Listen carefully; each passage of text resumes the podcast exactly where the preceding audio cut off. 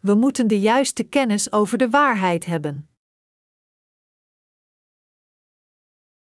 Johannes 6, 60, 71 Veel leerlingen die het gehoord hadden zeiden: Dit zijn harde woorden, wie kan daar naar luisteren? Jezus wist wel dat zijn leerlingen protesteerden en zei tegen hen: Ergeren jullie je hieraan? Maar als jullie nu de mensenzoon zouden zien opstijgen naar waar hij eerst was? De geest maakt levend, het lichaam dient tot niets. Wat ik gezegd heb is geest, en leven, maar sommigen van jullie geloven niet. Jezus wist namelijk vanaf het begin wie er niet geloofden en wie hem zou uitleveren. Daarom heb ik jullie gezegd, zei hij, dat iemand alleen bij mij kan komen als het hem door de Vader gegeven is. Toen trokken veel leerlingen zich terug en dingen niet verder met hem mee. Jezus vroeg nu aan de twaalf: Willen jullie soms ook weggaan? Simon Petrus gaf antwoord: Naar wie zouden we moeten gaan, Heer? U spreekt woorden die eeuwig leven geven, en wij geloven en weten dat u de Heilige van God bent. Jezus zei: Ik zelf heb jullie alle twaalf uitgekozen, en toch is een van jullie een duivel. Hiermee doelde hij op Judas, de zoon van Simon Iscariot, want hij, een van de twaalf, zou hem uitleveren. Waar moppert u over? Johannes hoofdstuk 6 is moeilijk te begrijpen ook voor de hedendaagse christenen. Dus geven pastoors zelden een preek over deze passage. Zij interpreteren de boodschap van dit hoofdstuk als volgt: dat Jezus ons zijn lichaam gaf betekent dat Hij ons heeft gered door tot de dood gekruisigd te worden. Echter, zij verwijzen alleen naar het bloed van Jezus, niet zijn vlees.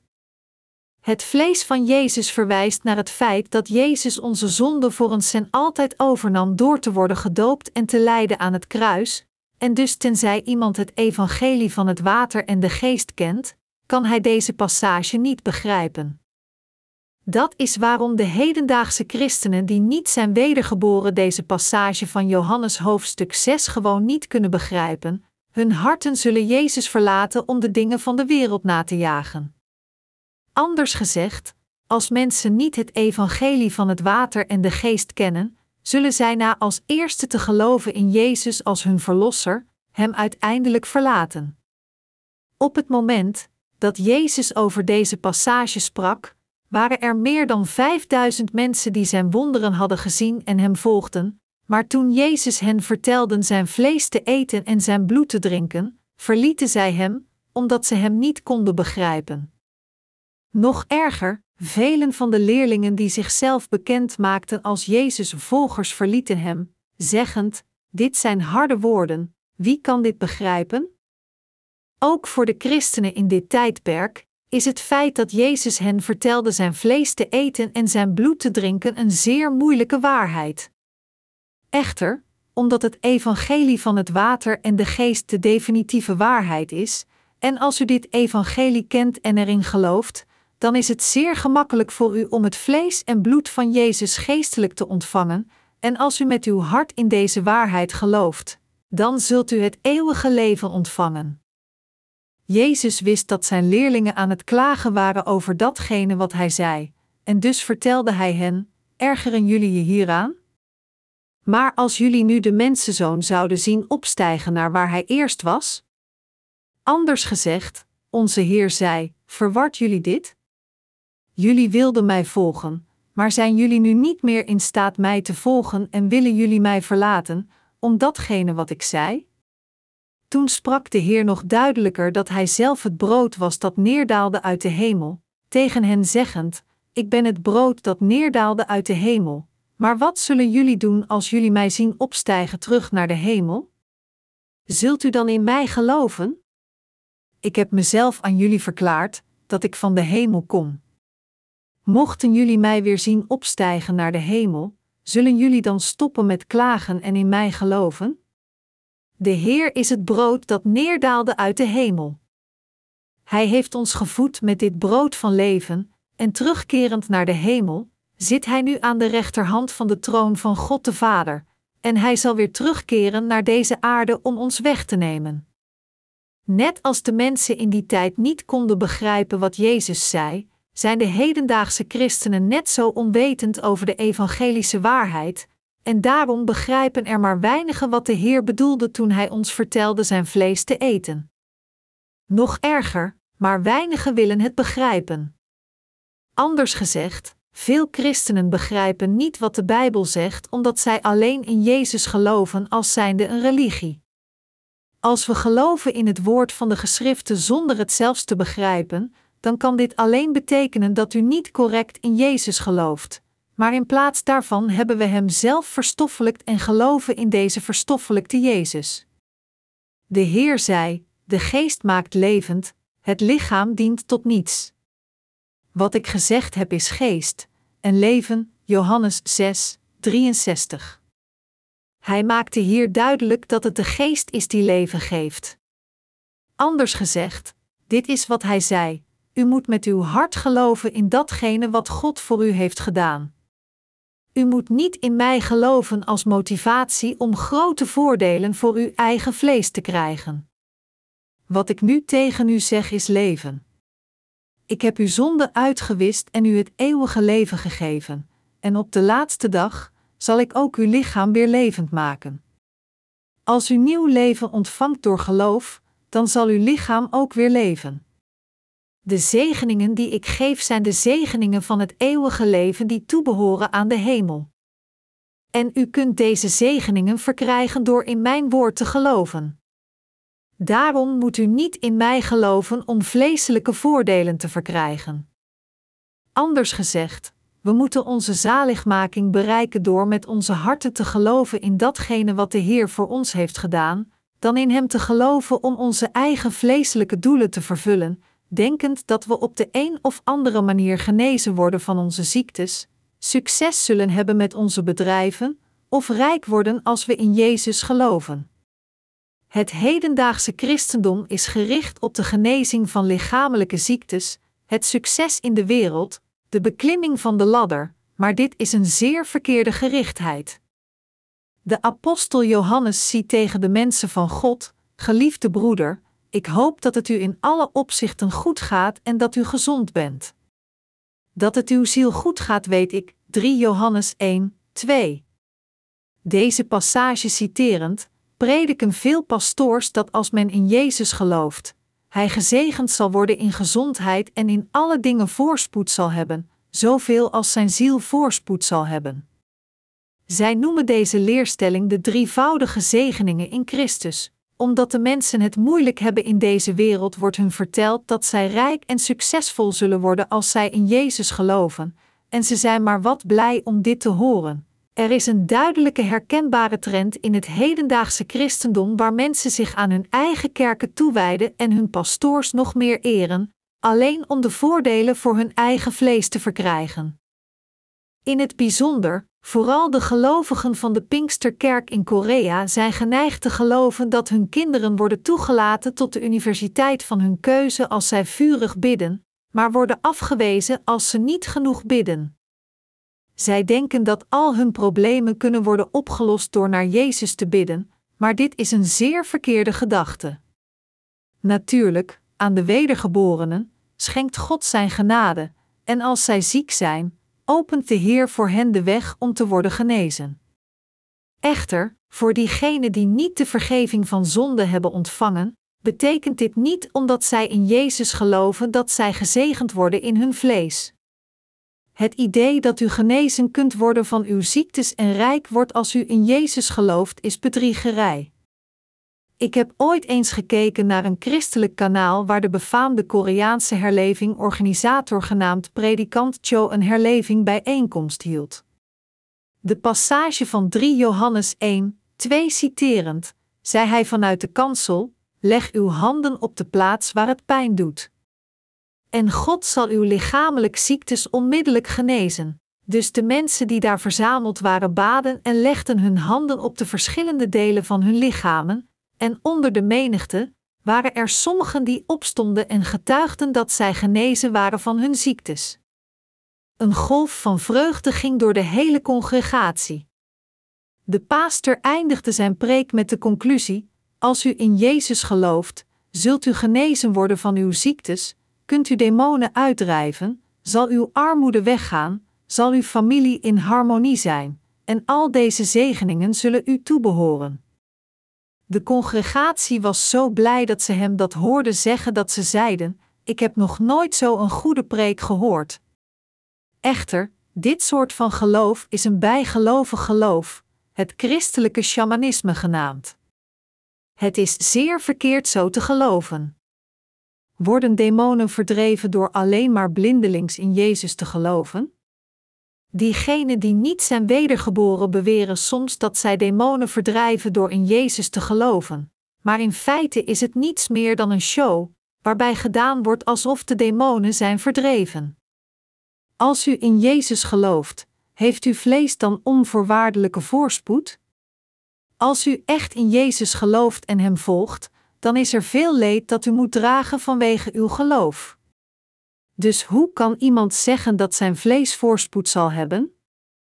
De Heer zei: De geest maakt levend, het lichaam dient tot niets. Onze Heer wil u een nieuw leven geven door onze zielen van de zonde te redden, niet om voorspoed te brengen aan ons vlees. Hij kwam naar deze aarde om onze zonde uit te wissen, om ons een nieuw leven te geven, om ons Gods kinderen te maken en om ons de eeuwige zegeningen van de volgende wereld te geven. We moeten dit heel goed beseffen. De kernboodschap van 3 Johannes 1, 2 is dat boven alles onze zielen voorspoed moeten hebben. Dat staat voorop. Wat betekent het dan de voorspoed van de ziel? Als eerste, zodat onze zielen voorspoed kunnen hebben, moeten we met onze harten in datgene geloven wat de Heer voor ons heeft gedaan, en daarmee de vergeving van zonde ontvangen, het eeuwige leven verkrijgen en Gods kinderen worden. Hierna kunnen we zien hoe de Heer ons helpt en zegent in ons dagelijks leven. Dit is wat de bovenstaande passage betekent. Jezus heeft nooit gezegd dat we genezen worden van onze ziektes en rijk worden door in Hem te geloven, zonder als eerste de vergeving van onze zonden te ontvangen. De Heer heeft het hier heel duidelijk gemaakt dat het najagen van het geluk van het vlees geen voordelen brengt. Als u in Jezus wil geloven als uw verlosser, dan moet u als eerste de vergeving van uw zonde ontvangen door te geloven in het evangelie van het water en de geest. En als u de vergeving van zonde hebt ontvangen, dan is het gepast van u om Gods werk uit te voeren. Echter, als u alleen in Jezus gelooft om voorspoed te hebben in uw vlees, dan is uw geloof compleet verkeerd. Iedere pastoor die dit leert is zeer verkeerd bezig. Ontelbare christenen worden misleid door valse pastoors, ze verkopen hun huizen en geven het geld aan hun kerken, denkend dat als zij hun huis doneren ze twee huizen ervoor terugkrijgen. Op dezelfde manier gaan ze leningen aan om hun tienden te kunnen geven, denkend dat zij gezegend worden met meer, als zij meer tienden offeren. Ze denken: Mijn inkomen is 1000 dollar, dus moet ik 100 dollar offeren als mijn tiende deel, maar ik gaf feitelijk 1000 dollar. Dus weet ik zeker dat God mij zal belonen met 10.000 dollar. Als u in Jezus gelooft gebaseerd op een dergelijke calculatie, dan wordt u geestelijk bedrogen. Echter, jammer genoeg, bedriegen ontelbare pastoors hun congregaties om hun het geld afhandig te maken met een dergelijke leugen. Om zo te geloven is niets meer dan te geloven in het christendom als een van de vele religies in de wereld. Natuurlijk, zijn de wedergeborenen in staat hun hele bezit aan de Heer te offeren als dat nodig is. Onze werkers leven feitelijk een dergelijk leven. Om het evangelie te dienen, spenderen zij ongeveer 10% van hun inkomen aan henzelf wat ze echt nodig hebben, en ze geven de rest, 90% van hun inkomen aan de dienst van de verspreiding van het evangelie. Echter, zij doen dit niet om meer materiële zegeningen van God te krijgen door meer te offeren. Zij doen dit vanuit hun dankbare en willige harten, omdat zij het kostbare evangelie meer willen dienen die de Heer aan de mensheid heeft gegeven. Christenen die niet zijn wedergeboren zetten zich ook in voor hun kerken, maar dat is om hun eigen vleeselijke verlangens te verkrijgen. Dit is gewoon verkeerd. Bijvoorbeeld, velen van hen denken dat als zij doorgaan met hun levens van geloof en zij uiteindelijk ouderen worden, God hen op de een of andere manier zal zegenen. Maar dit is een leugen. Maar omdat zij denken dat God hen zal zegenen en hen rijk zal maken als zij ouderen worden, proberen zij er alles aan te doen om aangewezen te worden als ouderen, door zich aan hun kerken toe te wijden en als een slaaf loyaal te zijn aan hun pastoors. Zij doen dit omdat ze misleid zijn door de valse leerstellingen van hun pastoors. Dus, als u een gevangenis bezoekt, zult u verbaasd zijn dat veel van de gevangenen feitelijke ouderen of pastoors zijn uit wereldlijke kerken. Wat is hier de verklaring voor? Omdat zij proberen hun kerk op allerlei manieren te dienen, kunnen zij niet anders dan overgaan tot bedrog. De pastoors die niet echt zijn wedergeboren prijzen diegenen die machtig en rijk zijn in deze wereld door hogere posities in hun kerken. Als dergelijke mensen hun kerk bezoeken, dan geven ze hun in korte tijd het ouderschap. Door dit te doen, misleiden zij de rest van hun congregatie tot de gedachte: het bedrijf van deze man doet het zo goed, nu dat hij een oudere is geworden. Ik moet ook een oudere worden, echter, u moet niet vergeten dat er veel christenen zijn, die verstrikt raakten in een dergelijke val, uiteindelijk failliet gingen of zelfs naar de gevangenis moesten, ondanks dat zij ouderen waren. Onze Heer zei: Het lichaam dient tot niets, dit woord is de waarheid. Het vlees is inderdaad nutteloos. Als God in sommige aspecten van uw leven voorspoed brengt nadat u bent wedergeboren, dan heeft dit te maken met het geestelijke werk van de Heer. Denkt u echt dat als u bidt voor uw eigen vleeselijke verlangens dat absoluut niets met het werk van de Heer heeft te maken, Hij dergelijke gebeden zal beantwoorden? Nee, dat is niet het geval. Diegenen die zo geloven en zo prediken zijn stom. De Heer is het brood dat neerdaalde uit de hemel. Hij is de enige geboren zoon van God de Vader. Hij is God zelf die de wereld in het begin schiep. Dus hij weet alles. Zou onze Heer niet geweten hebben dat Judas hem zou verraden? Natuurlijk wist hij dat. In Johannes 6, 64 staat: Maar sommigen van jullie geloven niet. Jezus wist namelijk vanaf het begin wie er niet geloofden en wie hem zou uitleveren. Jezus had twaalf leerlingen die hem volgden, maar één van hen geloofde niet in hem als de Verlosser. Onze Heer wist op voorhand dat Judas hem zou verraden. Hij wist heel goed dat als hij gekruisigd wilde worden om heel de veroordeling van zonde te dragen, Judas hem moest verraden. Met Judas in zijn gedachten, zei de Heer: Daarom heb ik jullie gezegd dat iemand alleen bij mij kan komen als het hem door de Vader gegeven is. Johannes 6, 65. Dit betekent dat niemand in Jezus correct kan geloven tenzij de Vader hem leidt. Anders gezegd, niet iedereen is het toegestaan Jezus te erkennen en in hem te geloven, doorkwam door het water en de geest. De Heer zei: Gelukkig wie nederig van hart zijn, want voor hen is het koninkrijk van de hemel. Matthäus 5, 3. Als iemand correct in Jezus wil geloven, dan moet hij als eerste toegeven dat hij een hulpeloze zondaar is. Anders gezegd, hij moet beleiden dat hij het niet kan vermijden zonde te plegen en in de hel zal worden gegooid, en hij moet zijn hulpeloosheid demonstreren door God om genade te vragen. Alleen als een dergelijk nederig hart voor God de Vader wordt neergelegd, heeft Hij genade met hem als Hij hem ziet, zeggend: Ik zal u redden door mijn zoon. Het zijn dergelijke mensen die God de Vader naar zijn zoon leidt, en het is aan dergelijke mensen dat Jezus zijn vlees en bloed geeft, hen toestaand de vergeving van zonden en het eeuwige leven te ontvangen.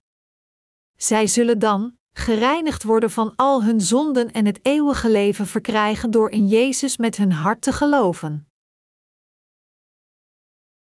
Niemand gelooft in Jezus als zijn verlosser alleen maar omdat hij zo wil geloven. Judas noemde Jezus altijd rabbi en nooit Heer.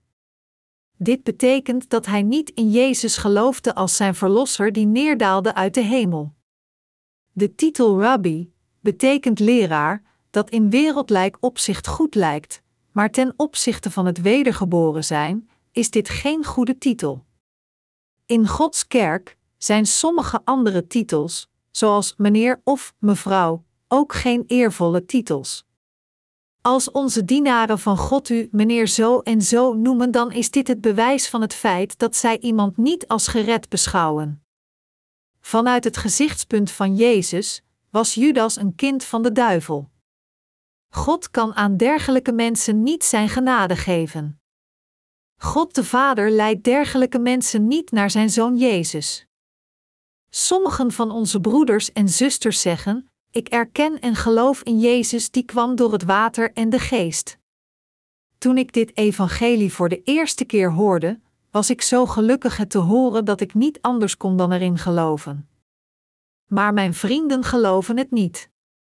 Ik begrip niet waarom zij niet willen geloven, terwijl het enige wat ze moeten doen is geloven. Als we mensen zien die niet geloven in dit wonderbaarlijke evangelie, dan kunnen we hen niet begrijpen. Dus we denken: waarom geloven zij niet, terwijl dat alles is wat ze moeten doen? Ze zijn zo dwaas. Echter, als God hen ziet, dan zijn ze zeer slecht, en daarom kan Hij geen genade met hen hebben. Anders gezegd, het is zeer gepast voor hen om zo te leven en te eindigen in de hel. God strekt zijn helpende hand uit en geeft de zegening van de vergeving van zonde aan iemand die voor hem komt en hem om zijn genade vraagt, niet aan iemand die schaamteloos voor God staat, zelfs in zijn aanwezigheid. Dergelijke ondankbare mensen denken: waarom heeft God me zo gemaakt alleen om zo te lijden? Waarom stond Hij toe dat ik in een dergelijke berooide familie geboren werd? Als er een God is, hoe kon Hij mij dit dan aandoen? Is dit wat God is? Diegenen wiens harten zo tegen God ingaan, die niet voor zichzelf treuren, wiens harten versteend zijn, en die alleen bevredigd worden door de dingen van de wereld en niet door de dingen van God, al deze mensen worden door God afgewezen. Anders gezegd, de Heer leidt dergelijke mensen niet naar de Vader. Daarom is het absoluut noodzakelijk voor iedereen nederig te zijn voor God. Zelfs als de slechtheid van het vlees opstaat, moeten we wakker worden en eerlijk toegeven: ik ben zo een waardeloos persoon, en God om zijn hulp vragen. Het zijn dergelijke mensen die God de Vader naar Jezus leidt om te worden gered. Het zijn deze mensen die Jezus zijn woord leert, dat hen in staat stelt hun zonde te herkennen, als ook de vergeving van zonde te ontvangen door het evangelie van het water en de geest, en daardoor Gods kinderen worden. Hoewel er ontelbare christenen op deze aarde zijn die beleiden in Jezus te geloven, geloven zij niet in het evangelie van het water en de geest. Hoe verklaart men dit? Het antwoord op deze vraag wordt gevonden in de geschrifte passage van vandaag. De Heer zei: Iemand kan alleen bij me komen als het hem door de Vader gegeven is. Niemand kan deze ware zaligmaking bereiken tenzij God de Vader hem leidt, of het nu een vriend is of uw eigen familie. Daarom moeten we bidden naar God namens onze geliefden, hem vragend: Vader, leid alstublieft mijn familie. Red hen allemaal. Van de andere kant moeten zij ook hun harten verlagen en God voor zijn hulp vragen, tegen hem zeggend: God, red me alstublieft, want ik ben een slecht persoon. Anders zullen zij nooit in Jezus geloven, ongeacht hoe vaak wij hen ook uitleggen hoe Hij is gekomen door het water en de geest. Integendeel, hun harten zullen alleen harder worden en zeggen: Ik wil je nooit meer zien als je alleen maar daarover praat. Hoewel het evangelie van het water en de geest de echte waarheid is, zijn er zoveel christenen die koppig weigeren erin te geloven tot het eind. Maar ondanks dit, blijf ik het evangelie van het water en de geest keer op keer prediken, duizenden en tienduizenden keren. Deze christenen moeten ook bekleed worden met Gods genade. We moeten voor hen bidden zodat God medelijden met hen heeft. We moeten bidden, Heer, heb alstublieft medelijden met deze zielen en red hen. Dat is omdat de God de Vader hen alleen redt als Hij medelijden met hen heeft. Maar na dit alles, als hun zielen te hard blijven om de genade van God te ontvangen, dan zullen zij alle uiteindelijk in de hel worden gegooid. Hoe kan God de Vader dergelijke mensen redden, als zij tegen Hem in blijven gaan, zelfs als Hij hen de genade wil geven? Dan is er geen andere mogelijkheid dan hen in de hel te gooien. Hoewel meer dan 5000 mensen Jezus volgden in de geschrifte passage van vandaag, toen de Heer tegen hen zei: Iemand kan alleen bij me komen als het hem door de Vader gegeven is, gingen de meeste van hen gewoon weg. Al de mensen in de menigte die hem gevolgd hadden, zeiden: Jezus, mijn Heer, maar bijna iedereen verdween alsof het eb was. De menigte was zo groot dat er alleen al meer dan vijfduizend mannen waren, die Jezus gevolgd hadden en tegen hem zeiden: Rabbi, u bent onze koning en onze hoop, maar ze gingen allemaal weg. Dus, staat er geschreven in Johannes 6, 66, toen trokken veel leerlingen zich terug en gingen niet verder met hem mee. Anders gezegd, toen de Heer zei: Ik geef u mijn vlees en bloed. Eet mijn vlees en drink mijn bloed. U zult het eeuwige leven verkrijgen en de vergeving van uw zonde ontvangen. Velen van zijn volgers konden dat niet begrijpen, en dus keerden ze zich tegen hem en gingen weg, tegen zichzelf zeggend: Het is moeilijk te begrijpen. Hij geeft ons geen brood meer, maar zegt dat het vlees tot niets dient. Het zou nutteloos zijn hem nog langer te volgen. Ik denk dat hij niet is wie ik dacht dat hij was. De Bijbel zegt dat vele van de leerlingen van Jezus weggingen en hem niet meer volgden. De Heer vroeg toen aan de twaalf leerlingen: Willen jullie ook weggaan? Van de meer dan vijfduizend mensen lijkt het alsof iedereen wegging behalve de twaalf leerlingen van Jezus. Dus vroeg de Heer aan hen: Willen jullie ook bij mij weggaan? Toen antwoordde Petrus hem: Naar wie zouden we moeten gaan, Heer? U spreekt woorden die eeuwig leven geven, en wij geloven en weten dat u de Heilige van God bent. Johannes 6, 68, 69. Er staat geschreven in de Bijbel: Want God had de wereld zo lief dat Hij zijn enige zoon heeft gegeven, opdat iedereen die in Hem gelooft niet verloren gaat, maar eeuwig leven heeft. Johannes 3 uur 16. God de Vader stuurde zijn zoon naar deze aarde, en deze zoon, incarneerde in het vlees, nam al onze zonden op zich door te worden gedoopt, werd gekruisigd tot de dood, verrees weer van de dood, en is daarmee onze verlosser geworden. Als God zegt dat dit is hoe Hij ons van onze zonden heeft gered, dan moeten we dat aannemen en erin geloven met een ja. Hoe kan iemand de waarheid weten tenzij hij gelooft in God? Als we door de Bijbel niet begrijpen dat God zo heeft gesproken, of als we er niet in geloven, zelfs als we het ons beseffen, hoe kunnen we dan weten dat Jezus God zelf is en onze Verlosser? Petrus antwoordde Jezus door te zeggen: Naar wie moeten we gaan, Heer? U hebt de woorden die eeuwig leven geven. We weten ook dat u de Christus bent, de Zoon van de levende God. De leerlingen van Jezus wisten en geloofden dat Hij God zelf was. En zij begrepen wat Hij zei. Echter, diegenen die niet het woord van de Heer begrepen, hadden Hem allemaal verlaten. Het woord van onze Heer is het woord van het eeuwige leven. Omdat het woord van de waarheid dat ons redt met de Heer is, kunnen we nooit bij Hem weggaan. Daarom, ongeacht welke vervolgingen en verleidingen ook op onze weg komen, we kunnen ons geloof in de Heer nooit verzaken, nog ooit Zijn kerk verlaten. Gezien het feit dat het woord van het eeuwige leven in Gods kerk verblijft, waar moeten we naartoe gaan als we ervan afkeren? Zou u Gods kerk verlaten om geld na te jagen? Als u de kerk verlaat, dan is dit omdat u niet gelooft in het woord. Als u echt gelooft in het woord, kunt u zich er nooit toe zetten om de kerk te verlaten. Zou u in staat zijn het woord van het eeuwige leven te horen als u de kerk zou verlaten? Nee, u zult het nergens anders horen. Bent u dan in staat op een correcte manier te bidden?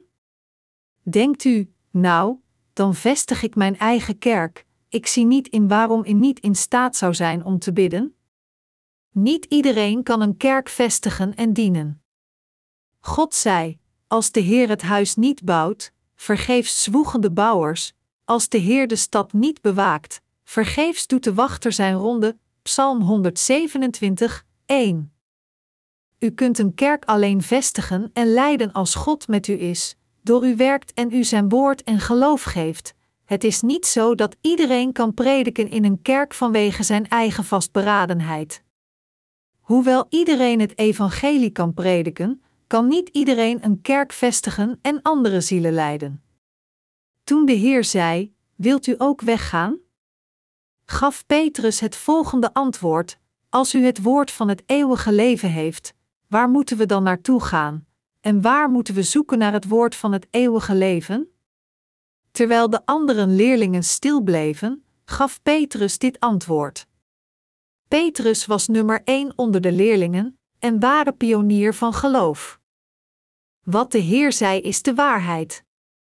Tegenwoordig blijven mensen de Bijbel in nieuwe versies vertalen. Er is veel geld te verdienen met iedere nieuwe Bijbelpublicatie, en dus hierop gericht blijven zij voortdurend de Bijbel in nieuwe versies vertalen. Maar kunnen ze echt met een betere Bijbelvertaling komen dan diegene die we al hebben, zelfs als ze 5000 jaar zouden leven om te onderzoeken en de geschriften keer op keer vertalen?